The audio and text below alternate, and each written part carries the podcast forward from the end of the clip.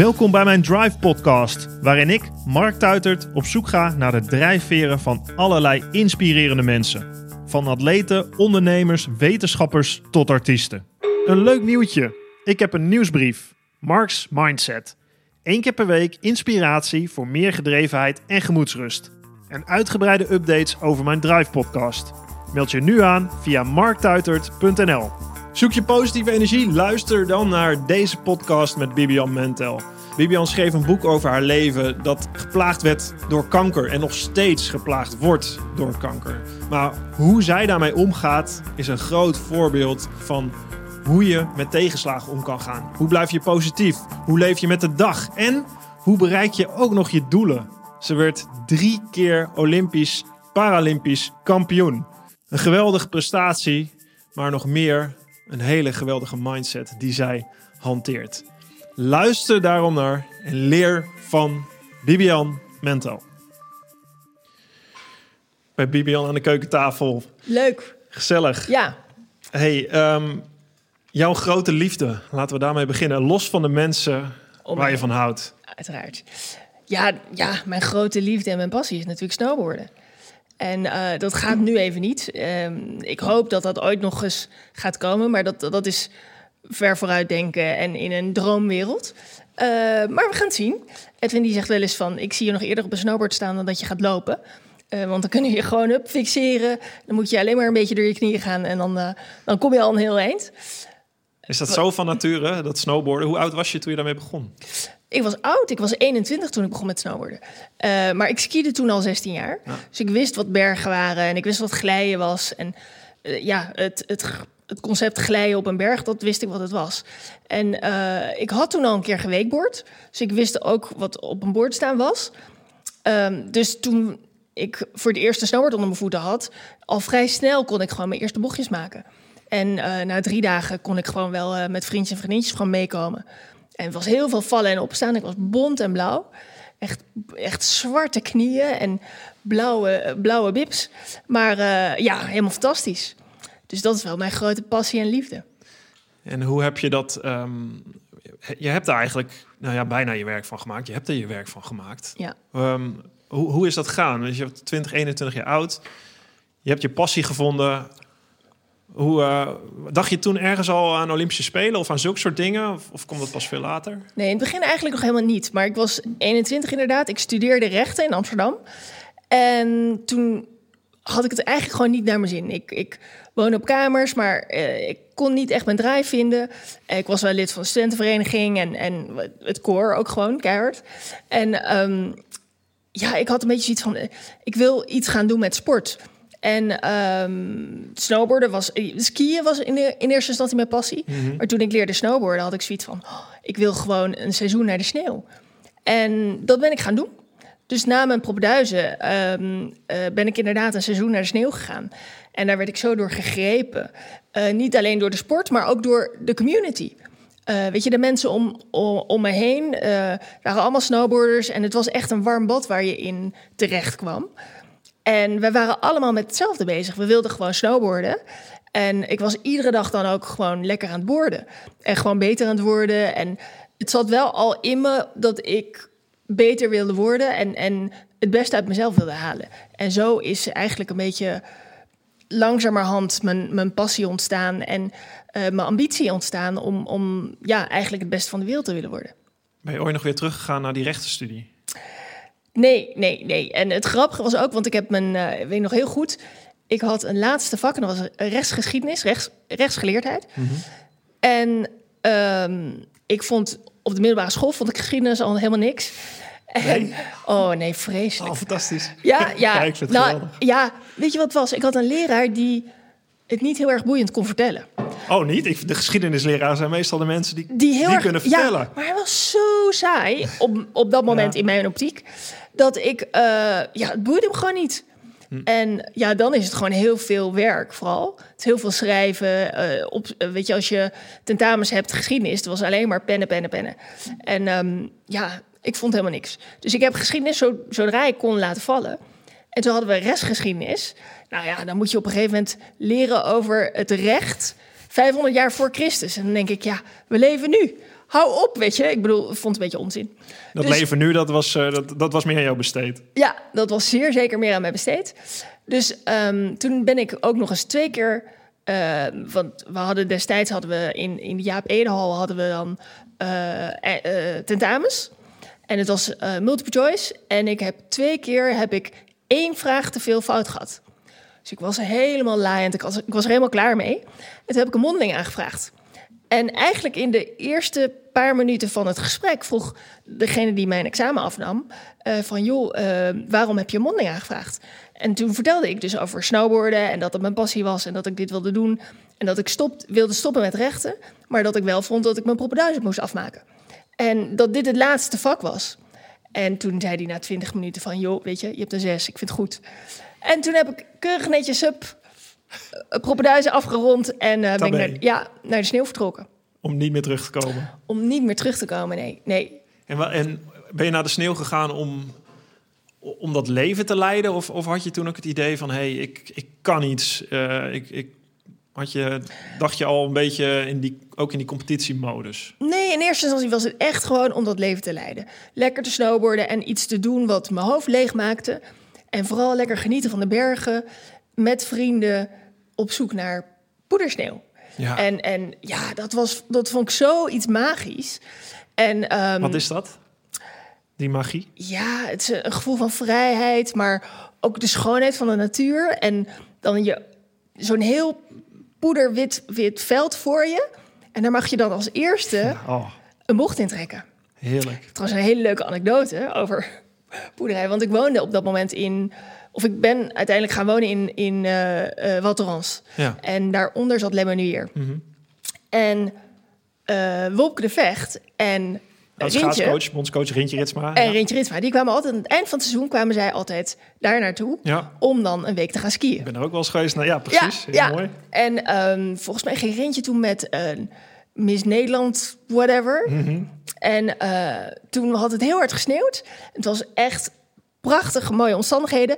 En toen vroeg de, de eigenaar van de skischool waar hij altijd mee skiede en waar hij mee op vakantie ging. Ja.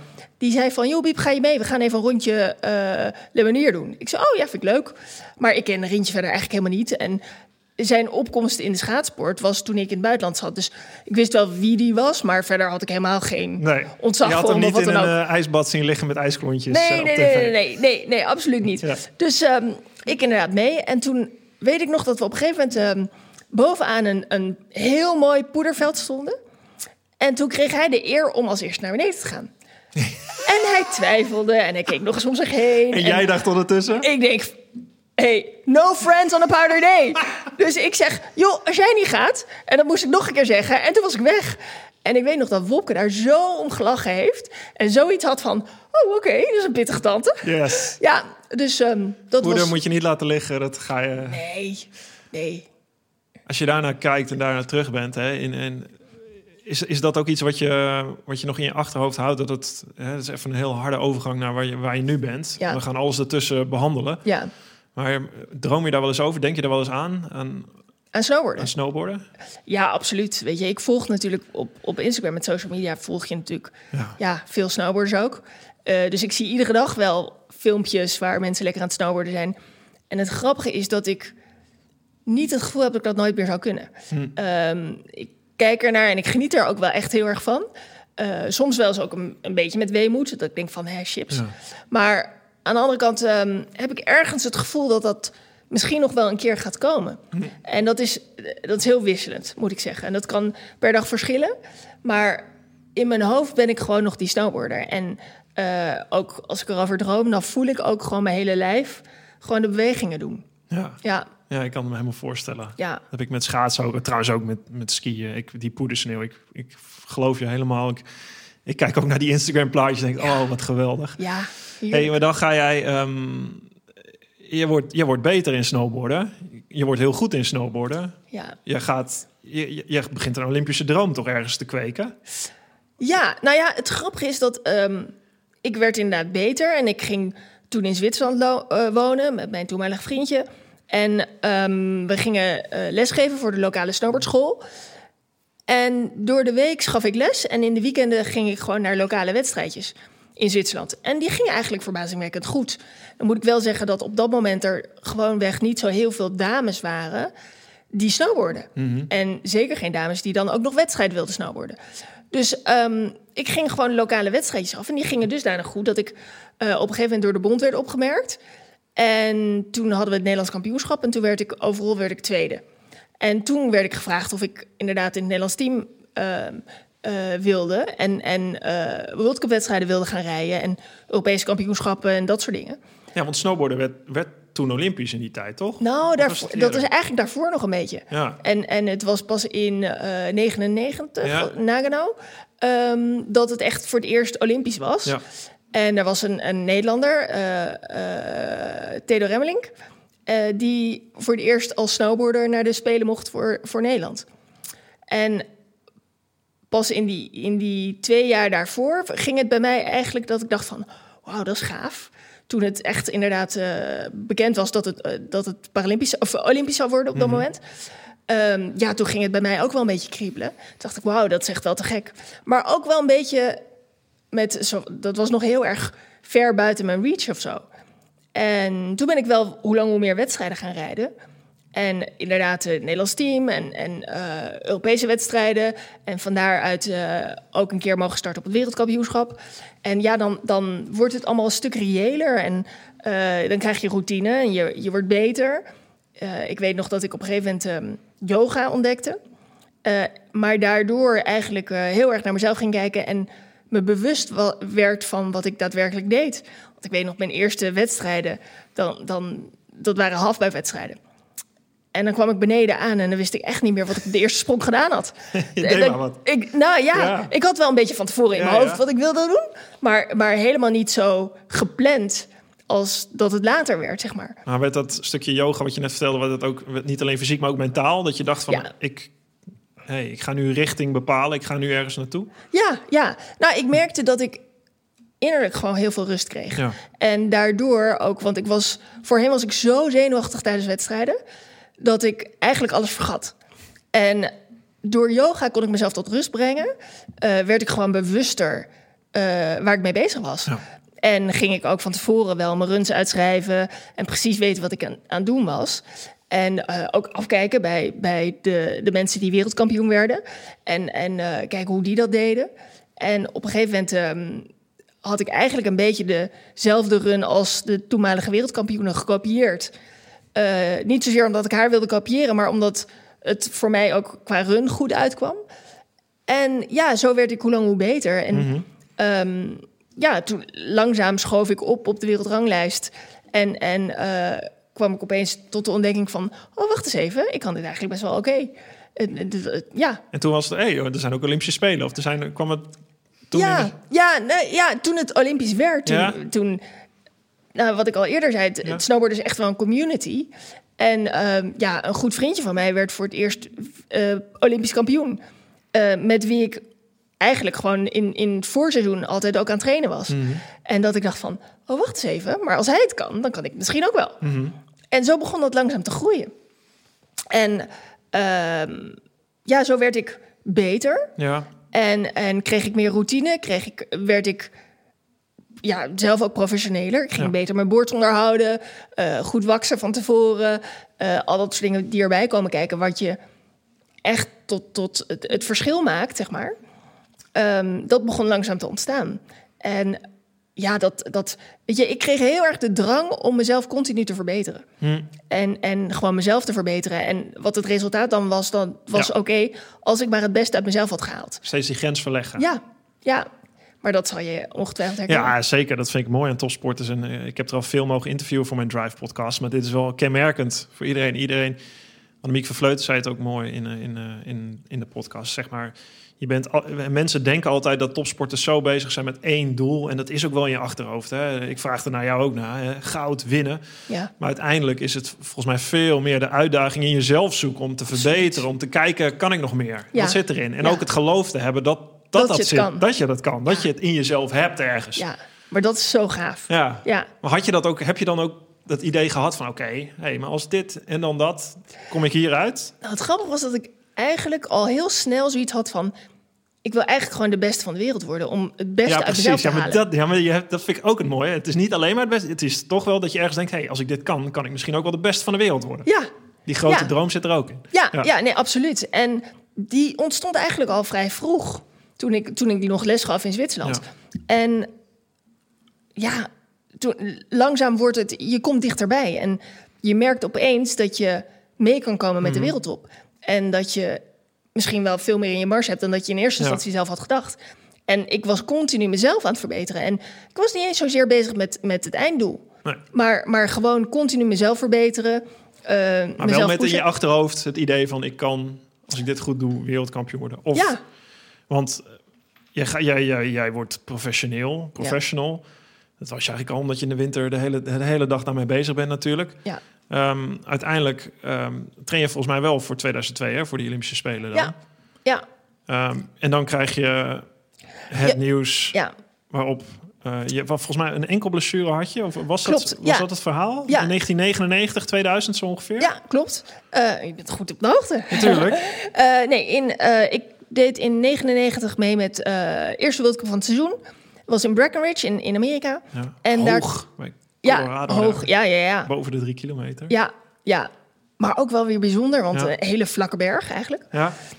Ehm, en daar waren we. We waren heerlijk aan het snowboarden. En ehm, tijdens de training eh, kom ik ten val. De training vlak voor de wedstrijd. En eh, daar scheurde ik mijn enkel in. En ik werd met de banaan naar beneden gevoerd. En naar het ziekenhuis. Daar werden foto's van mijn enkel gemaakt. En eh, ja, duidelijk gescheurde enkelwanden. Eh, ik kon de eerste paar dagen eigenlijk heel weinig.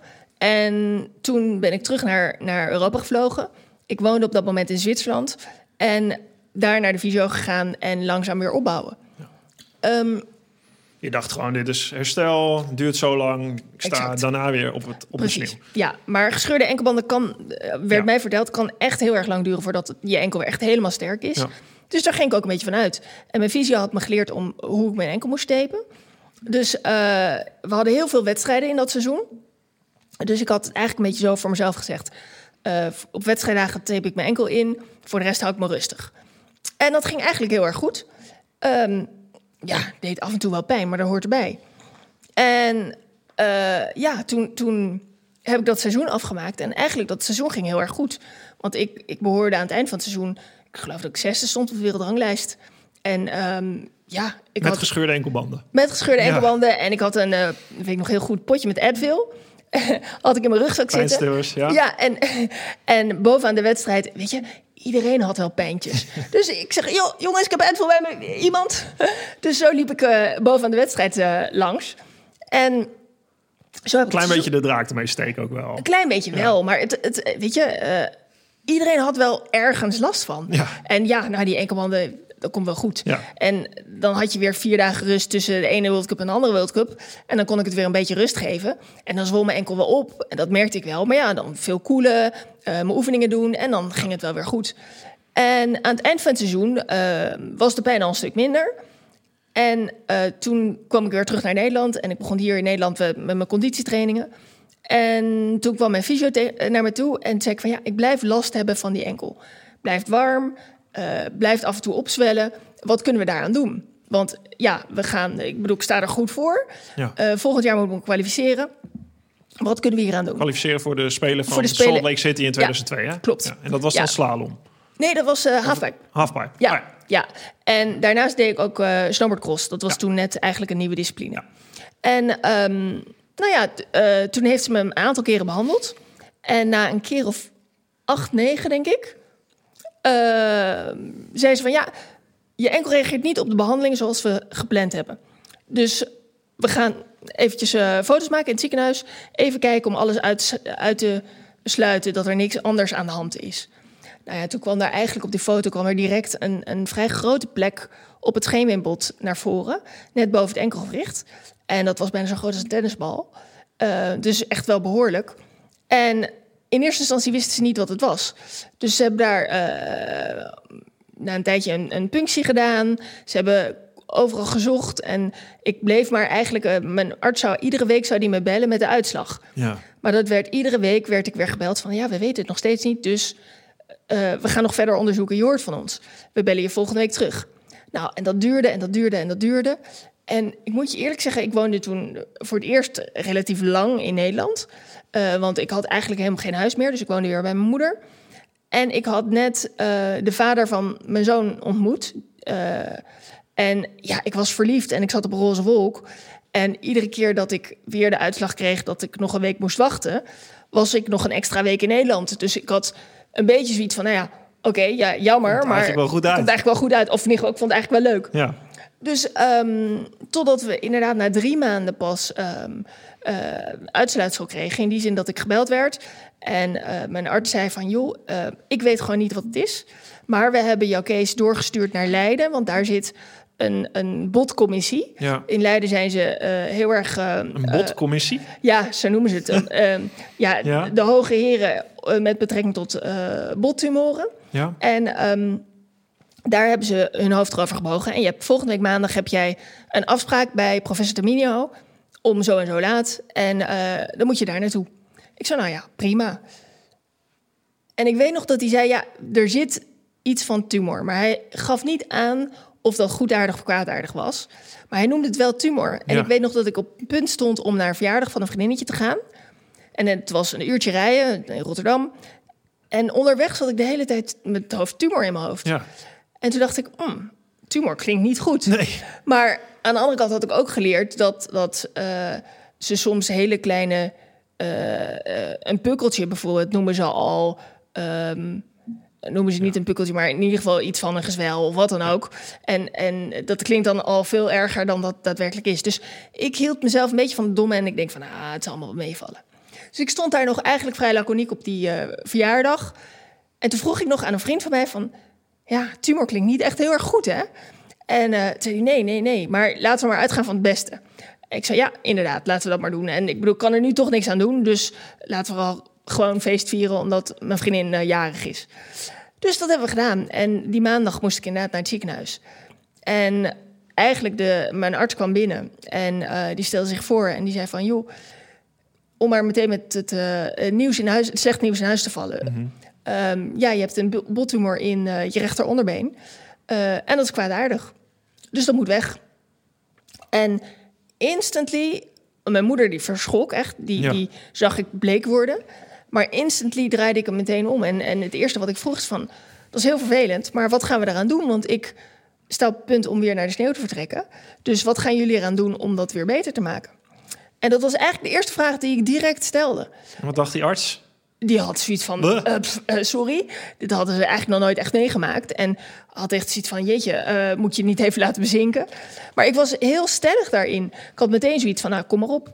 Had je dat al, want je bent op een verjaardag met, je weet, even de feiten, je weet dat je een tennisbal in je scheen hebt zitten. Ja, Je hebt gehoord dat je een tumor hebt. ja, Die, die twee aan elkaar gekoppeld zou je helemaal van in paniek kunnen raken. Jij denkt eigenlijk misschien een beetje kop in het zand. Ik, Ja. ik ga uit van het goede. Ik ga altijd uit Ja. van dat. En dan krijg je dat zware nieuws en dan schakel je om naar... Is, is dit wat je, wat jij, wat, wie jij bent eigenlijk? Waarom? Ik, vind, je- ik, hè, ik, ik vraag me altijd af hoe je, hoe, ja, als ik, ik heb ook dingen meegemaakt in mijn leven natuurlijk, maar hoe, hoe je met zo'n nieuws omgaat en hoe jij daarmee omgaat. Maar gaat er niet één moment ergens iets door je heen van de, oeh, help of Nou, paniek of gek genoeg. En zeker toen, nee, dat was eigenlijk direct ehm, omschakelen van heel vervelend, maar wat gaan we hier aan doen? ja, En eh, nou, dan hoorde ik weer inderdaad wat er aan gedaan kon worden, zeg maar.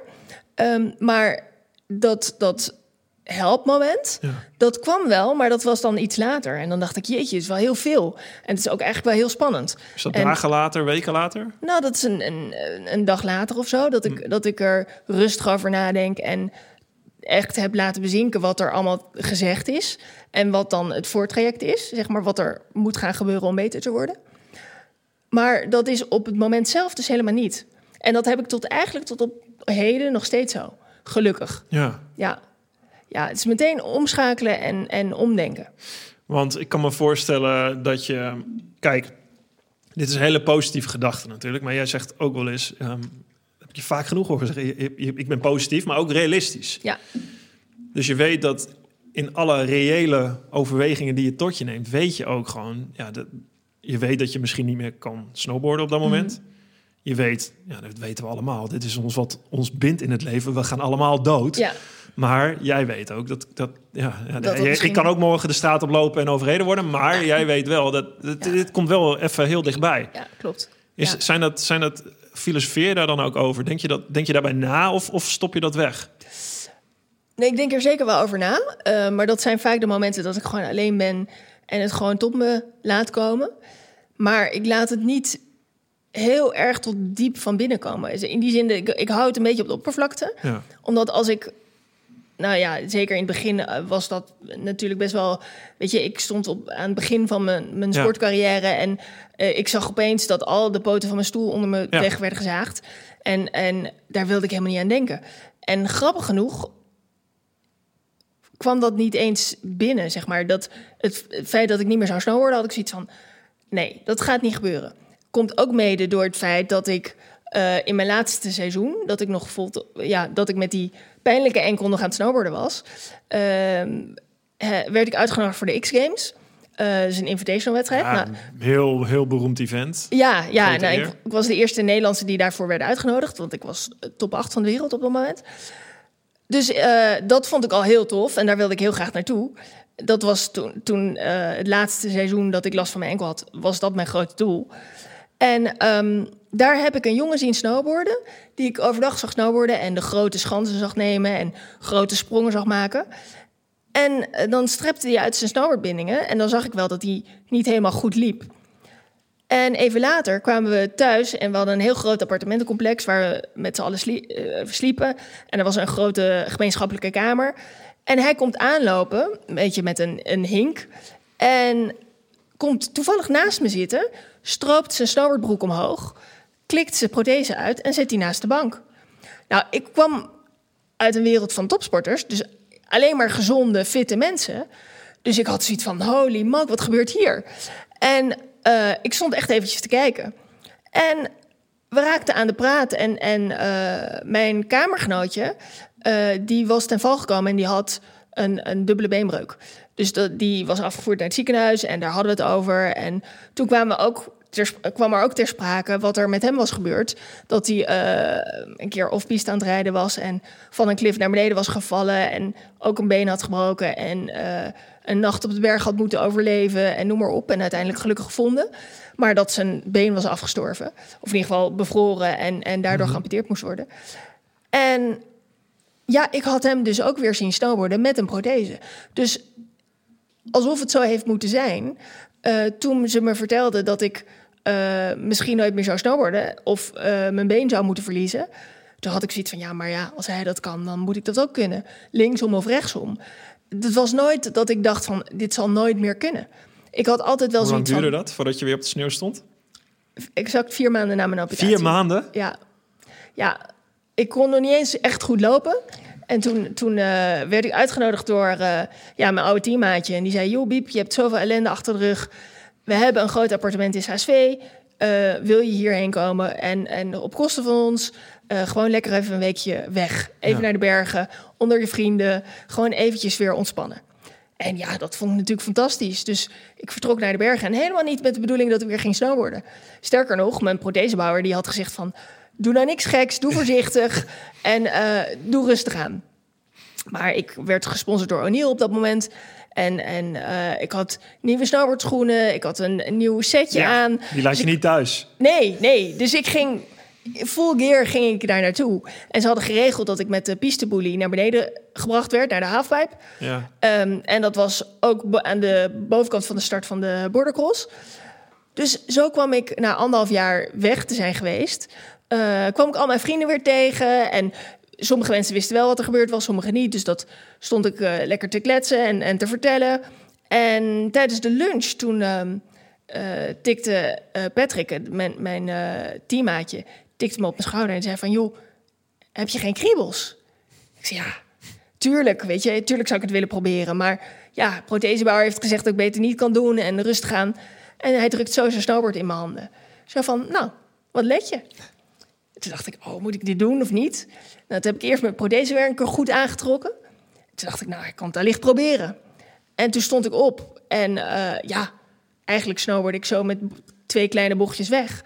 En dat voelde gewoon goed. Ja, het was een beetje pijnlijk, maar het voelde, weet je, ik was weer aan het glijden. En ik Ja. was dat weer aan het doen wat ik zo magisch vond. Dus dat was zo fantastisch. Dus ja, toen, toen had ik twee bochtjes gedaan. En eh, toen was ik ook wel moe. En toen dacht ik, nou oké, weet je. Eh, dag daarna ging ik eh, weer omhoog. En toen Ja. had ik snowboard van, van mijn vriendje geleend. En toen heb ik ook weer, ben ik iets verder omhoog gelopen. En heb ik een, een 300 meter zo gesnowboard. Nou, dat voelde ook goed. En de dag daarna eh, eh, kreeg ik van beneden van, van de verhuur kreeg ik een snowboard mee. En die zei, nou, veel plezier. We zien je wel terug. En toen heb ik ja, mijn eerste afdalingen weer gemaakt. En dat was zo Ja, fantastisch. ik kan me voorstellen. Ja, dat was zo heerlijk. En hoe zat je toen, toen je naar huis ging eh, in, de, in de auto? Of, Ja, stuiterend. En wat dacht je toen? Hoe, wat, hoe, hoe, hoe zag je de rest van je leven voor je? Want ik kan me voorstellen dat het zoveel gebeurd is. Je liefde heb je weer teruggevonden eigenlijk op Ja. die manier. Ja, Hoe, Ja. hoe, wat, wat doet dat voor de rest van je leven al- als, als, als, als mens? Nou, ik had een beetje zoiets van, ook ben weer terug.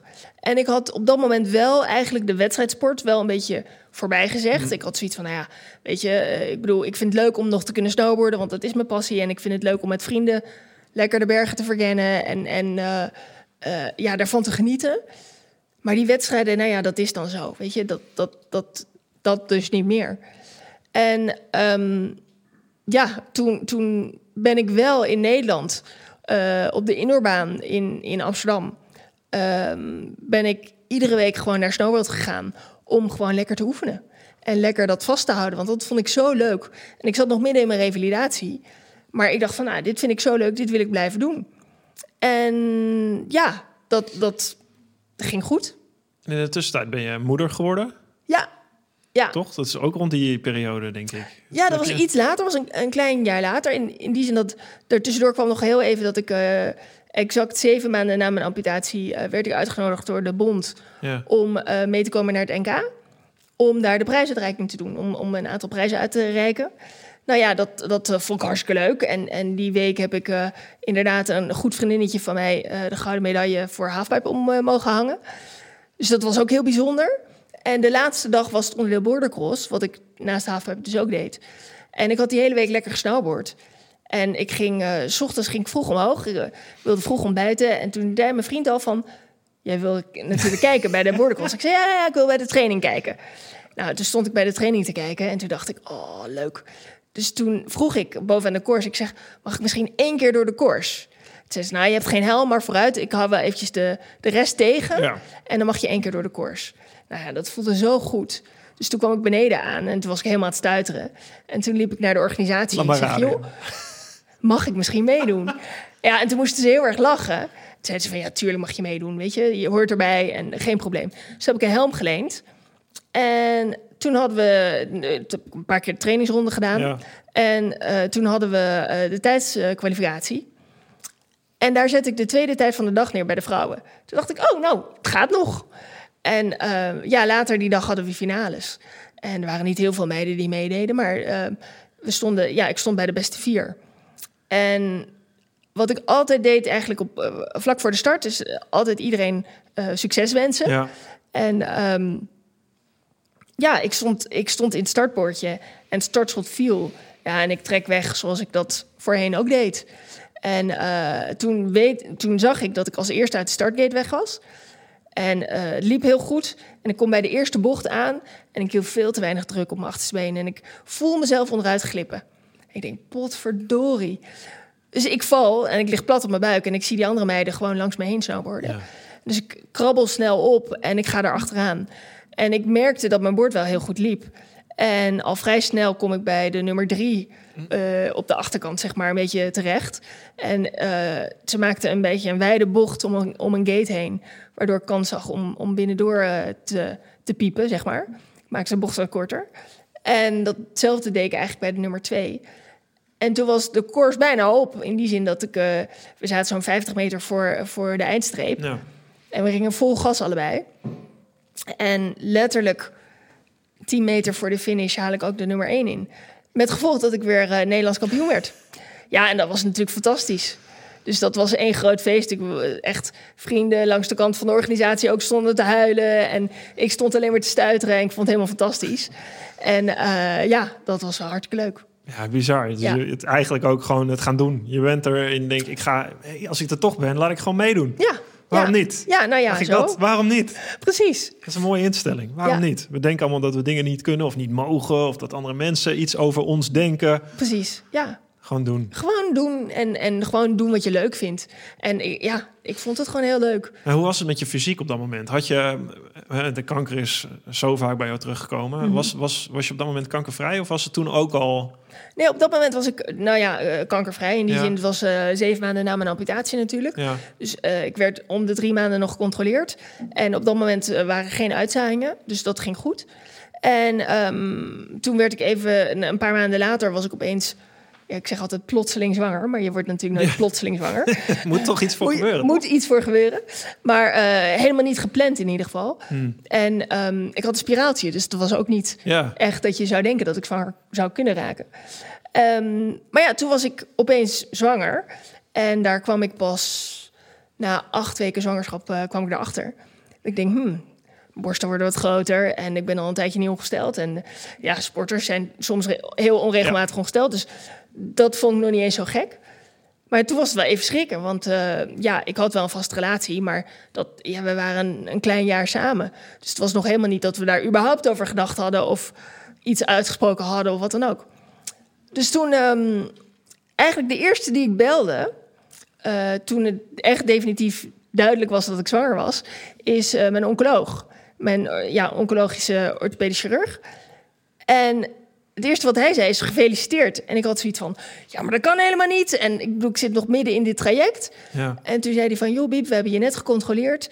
Dat was goed. En ga nu maar gewoon genieten van je zwangerschap. En ik zie je over negen maanden wel weer. En dan controleren we je gewoon op het moment dat je die kleine hebt. Nou ja, toen ben ik eigenlijk... eh, ik denk, nou ja, als hij het oké vindt... dan eh, moet ik dat zelf ook maar accepteren.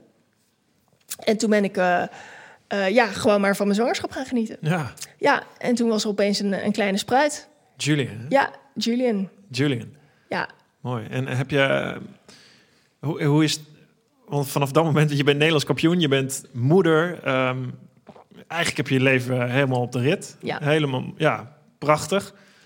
Ehm, het, tot 2014, hè, dan 2014 doe je voor het eerst mee aan de Olympische Spelen. Ja. Ehm, daar heb je hard voor gevochten mhm, om Parale- op de Paralympische Spelen snowboarden daar te krijgen ja. waar het natuurlijk hoort. Ehm, hoe, hoe is dat gegaan? Is dat, eigenlijk is dat een heel gevecht geweest om dat daar te krijgen. Maar ondertussen is bij jou ook weer het gevecht begonnen met kanker. Worden, ja. het- ik mag het zo niet zeggen, want eh, eh, dan, dan, dan krijg ik eh, op mijn falie van onder andere Maarten van der Weijden. Oh. En terecht. Ja. Het, het, de, de, de hele, het hele proces, hoe, hoe is dat gegaan? Heb jij, heb jij meteen het doel gehad van... oké, ik, ik, ik wil dit zo graag, ik, ik wil het op Olympische Spelen krijgen. En is, hoe is, het- kun je me daar meenemen naar dat, Ja. naar dat ver- verhaal naar 2014 toe? Nou, het leuke was dat na het winnen van het Nederlands kampioenschap... kwam mijn bond, naar, de Nederlandse skivereniging, naar me toe... en die zeiden van, joh, eh, de directeur die zei van... joh, Biep, zou je deze kar een beetje willen trekken? Zou Ja. je het leuk vinden om het snowboarden... voor mensen met een lichamelijke uitdaging, een beperking... eh, eh, ja, te laten zien dat snowboarden ook nog kan? Nou ja, weet je, dat was mijn passie. Natuurlijk wilde ik dat. Dus ik ben eens een beetje gaan praten hier en daar. En ik, internationaal kende ik natuurlijk veel mensen, ook binnen het circuit. Dus ook eens voorgelegd van, joh, wat vinden jullie ervan? Snowboarden voor mensen met een beperking en hoort het niet thuis op Paralympische Spelen. Mhm. Ik ben ja, zojuist weer Nederlands kampioen geworden bij de valide. Ehm, en ik zie dat snowboarden gewoon eigenlijk niet zo heel veel veranderd is. Tuurlijk moet je wat aanpassingen doen eh, en moet je er hard voor trainen, maar het kan nog gewoon. Weet je, mensen met een lichamelijke uitdaging kunnen ook gewoon snowboarden. En nou ja, iedereen was eigenlijk wel enthousiast. En zo ben ik heel langzaam een lobby gestart om te kijken of we het snowboarden niet richting Paralympisch programma konden krijgen. En ehm, ja, ik werd door de directeur van de bond werd ik voorgesteld aan een dame, Rita van Driel. Ehm, die eh, op dat moment al in het Paralympisch, eh, in de General Board zat van het Paralympisch Comité. Ehm, en ik weet nog heel goed, ik, ik werd uitgenodigd om ergens een praatje te houden over snowboarden en, en eh, over mijn verhaal een beetje. En toen wist ik dat Rita in de zaal zou zitten. Ik had haar nog nooit ontmoet, maar ik had wel gehoord van, van de directeur van de bond... dat is de dame die je moet hebben. Dus terwijl ik op het podium sta, aan het eind van mijn praatje... eh, zei ik van, nou ja, en ik heb een droom. Ik heb namelijk de droom dat ik het snowboarden op het Paralympisch programma wil hebben. En Rita, ik heb gehoord dat ik jou daarvoor nodig heb. Dus eh, ik wil heel graag binnenkort een kopje koffie met je drinken. Nou ja, toen kon ze er natuurlijk niet omheen. Ja. Ze moest heel erg lachen. En ja, toen zijn we langzaam gekletsen van hoe zie je dat dan voor je? En ehm, weet je of er draagvlak is? Weet je of er andere mensen zijn met een lichamelijke uitdaging die ook zouden willen snowboarden? In zo ja, in welke landen? Ehm, nou ja, toen kwam ik erachter dat snowboarden... We moesten in ieder geval twee keer een wereldkampioenschap hebben georganiseerd. Ehm, en er moesten, even kijken, er moesten acht landen minimaal vertegenwoordigd zijn. En er was nog niks. Tot, dit, Helemaal er, was nog nooit een Paralympisch WK geweest. Er waren geen waren- deelnemers, geen mensen. Die moest je überhaupt allemaal geen opzoeken. wedstrijden. Ja, er waren überhaupt geen wedstrijden. En ehm, we moesten inderdaad deelnemers hebben uit acht verschillende landen, verdeeld over twee continenten. En ehm, ja, succes. En ja, regelen. Ja, en nou, min of meer. En ze eh stelde me ook, eh, ze, maakte, eh, ze stelde me voor aan, aan de Canadese bond. En daar was een man en die geloofde er ook heel erg in. En die had zoiets van: Weet je wat, ik ga eh, een plek vrijmaken voor iemand die dat ehm, op, op bondsniveau eh, eigenlijk kan regelen van hoe gaan we nou een nieuwe sport ontwikkelen. En eh, ja, nou, daar was ik in, in contact mee gekomen. En we zijn gewoon gaan brainstormen. En via de mail en via Skype eh, gewoon met elkaar gaan kletsen over hoe ik dat zag. En, en hoe zij dat zag. En eh, toen heeft Canada voor het eerst een World Cup in, nou, ik denk eh 2009, denk ik, zo'n beetje.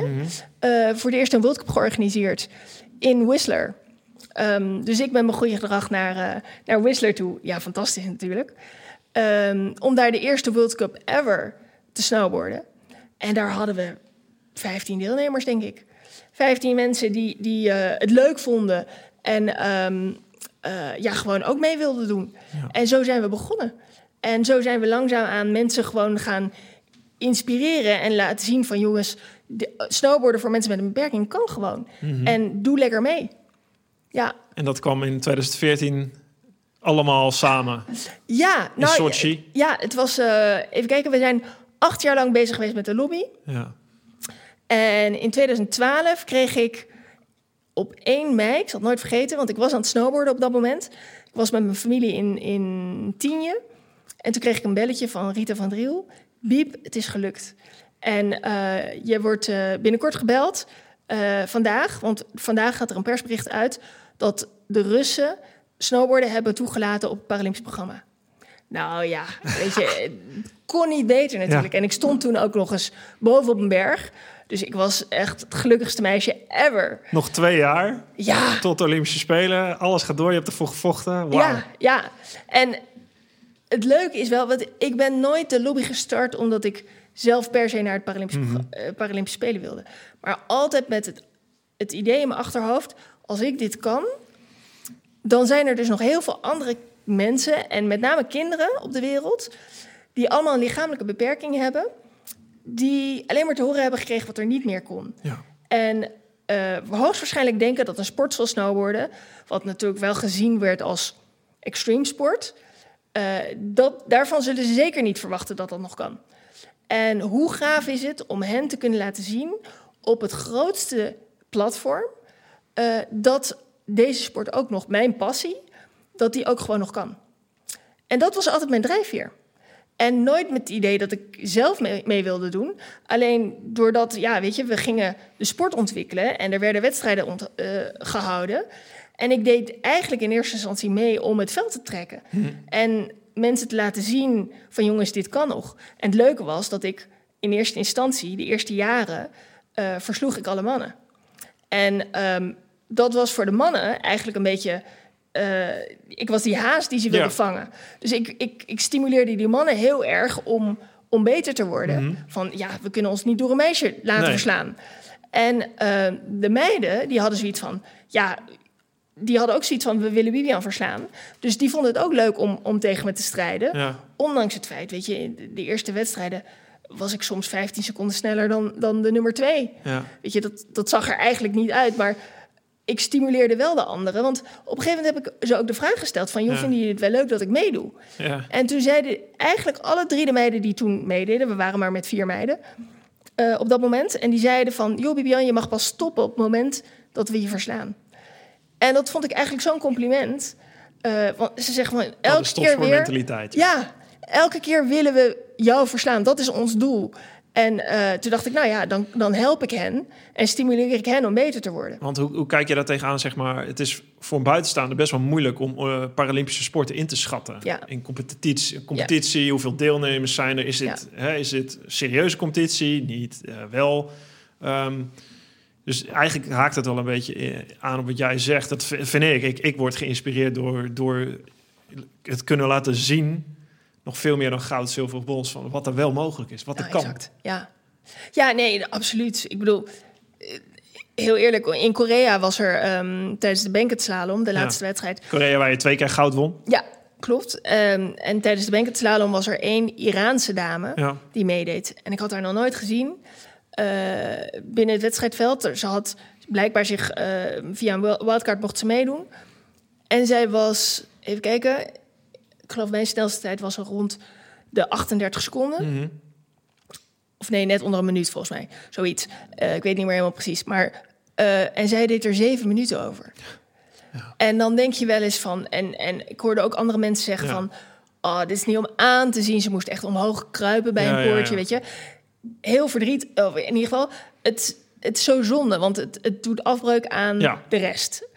Aan de andere kant... eh, ehm, denk ik dat het ook wel weer eh, aangeeft. Weet je, ik bedoel, dat is waarom ik de sport begonnen ben. En waarom ik het snowboarden zo, zo graag op het Paralympisch programma wilde krijgen. Een Iraanse dame met een hoofddoek. Mhm.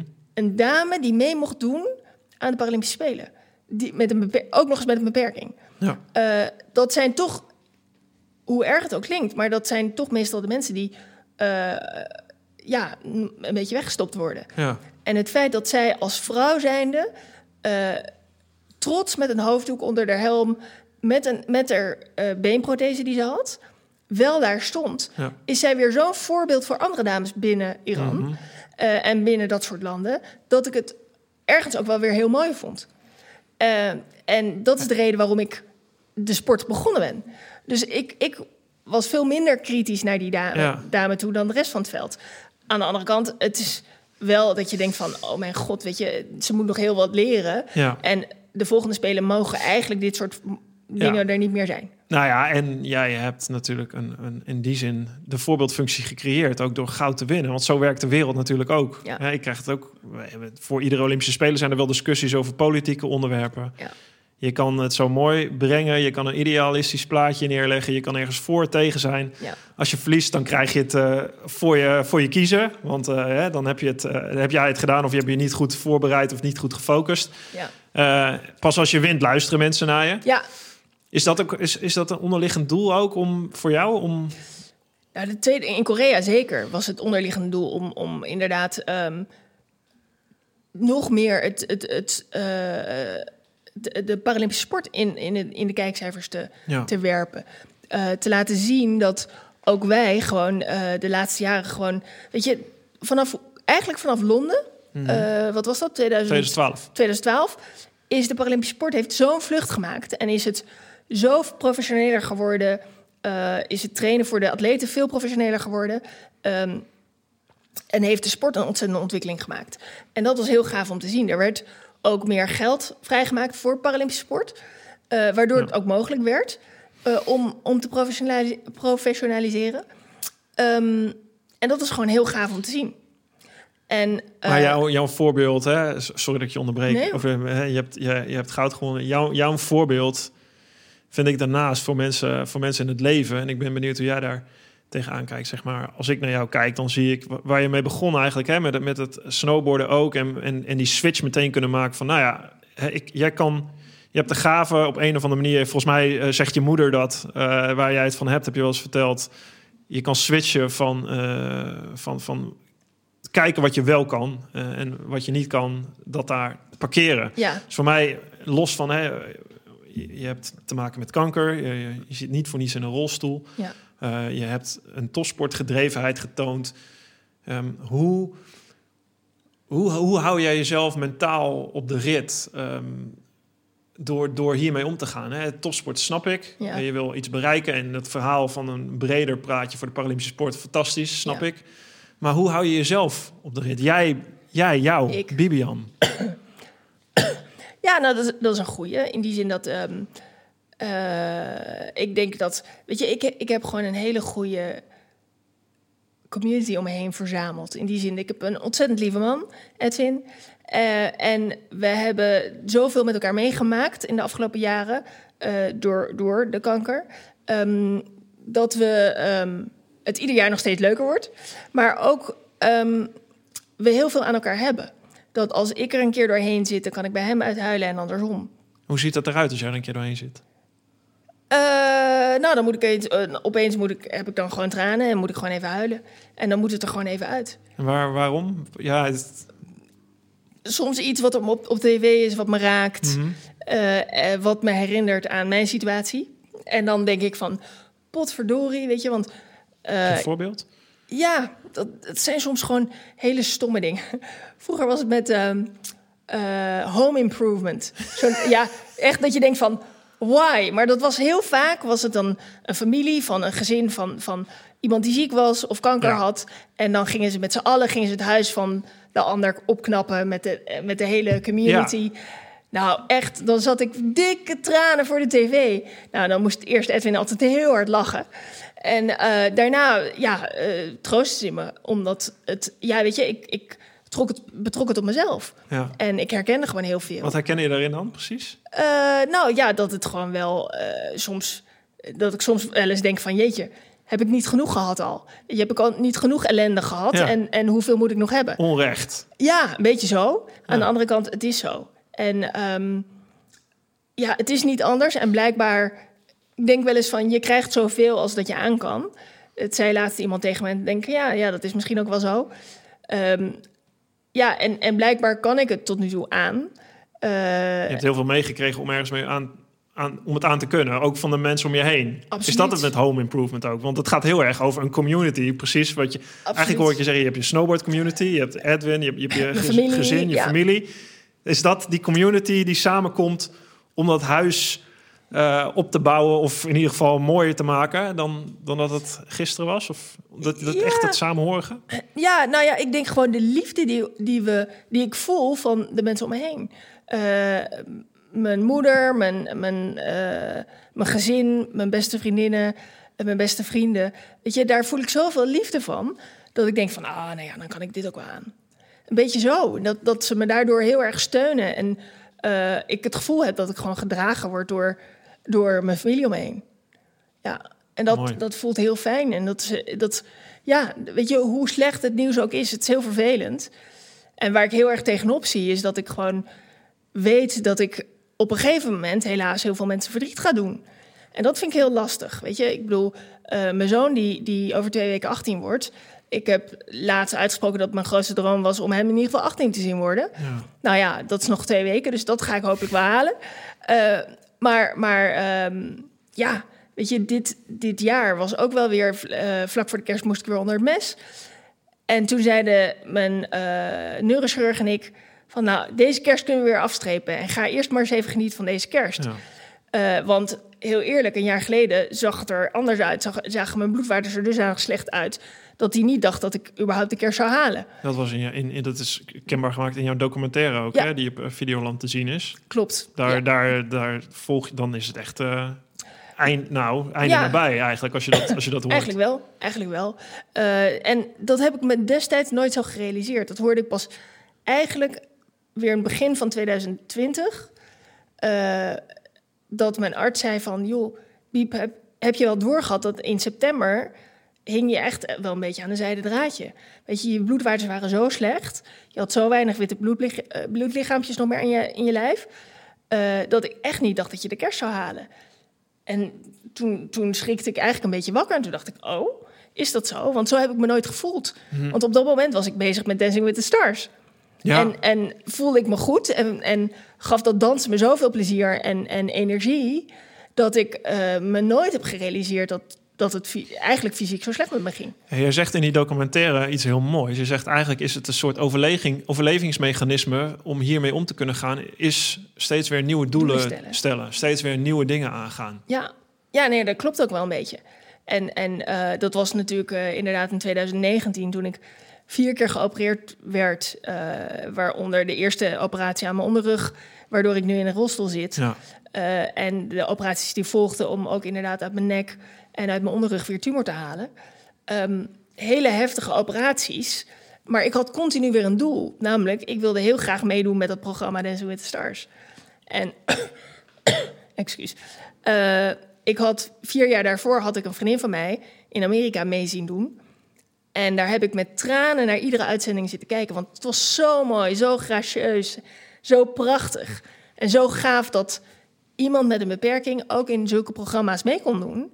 Jij deed mee in een rolstoel. Ja, dat is, ja. Dat is, ja, nee, maar dat is toch, dat is, Ja, dat was dat kan ook. Ja, ja, nou ja, inderdaad, dat kan ook. En het leuke is dat dit jaar in Zweden of Noorwegen... heeft er ook weer iemand meegedaan in een rolstoel. Dus hoe leuk is het om die olievlek te zien verspreiden?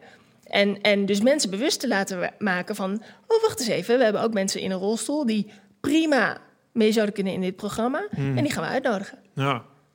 Jee. Volgens mij heb jij een tattoo op je uh, Ja, winnaar staan. Edwin eh, komt net, eh, net binnenlopen ook, toch? Ja, Ja. ja, die hebben we in 2016 eh, laten zetten. En het grappige was eigenlijk... Carpe diem, toch? Carp- Carpe diem staat er op mijn pols, inderdaad. En Pluk de dag. ja, eh seize the day. En het grappige is dat vlak daarvoor had een vriendinnetje van mij een tattoo laten zetten op haar onderarm. En, eh, of op haar pols. En ehm, toen zag ik hem. En ik had heel lang zitten twijfelen of ik een tattoo wilde of niet. En toen zag ik hem en toen dacht ik... Nee, het is niet voor mij. Ik vind het goed. En ik had die, die- ik had die beslissing genomen eigenlijk. En eh, ik had in mei 2016... eh, kwam de arts met het verhaal van... joh, Bibian, sorry, we hebben weer tumor gevonden. Dit keer in je hilus. Ik wist helemaal niet wat een hilus was. Maar de hilus is eigenlijk een plek, een centrale plek in je lichaam. Net boven je longen, eh, naast je hart. Met heel veel bloedvaten eromheen. Een hele centrale plek in je lijf. En die is heel kwetsbaar. Dat is slecht nieuws. Dat was zeker slecht nieuws, want eh, het was zo dat eh, chemo reageerde mijn tumor niet op. Eh, bestraling in dat gebied waren ze bang dat ze dus andere, andere delen, met name mijn hart, zouden raken. En ja, daar was een hart niet tegen bestand. Ehm, en ehm, opereren waren ze bang dat als ze een bloedvat zouden raken, dan zouden ze dat niet kunnen stelpen en, en kunnen stoppen. En dan zou dat rechtstreeks mijn longen inlopen. En dan zou ik eigenlijk op de operatietafel in mijn eigen bloed Stik. verdrinken. Ja. Dus ja, dat was ook geen optie. Dus eh, ik, werd naar, ik werd naar huis gestuurd. geen optie, nee. Nee, ik werd naar huis Ja, gestuurd. mooi hoe je, met- het- hoe je dat zo zegt. Vind ik mooi. Ehm, en ze zeiden van, ja, Bibian, sorry, we kunnen niks meer voor je doen.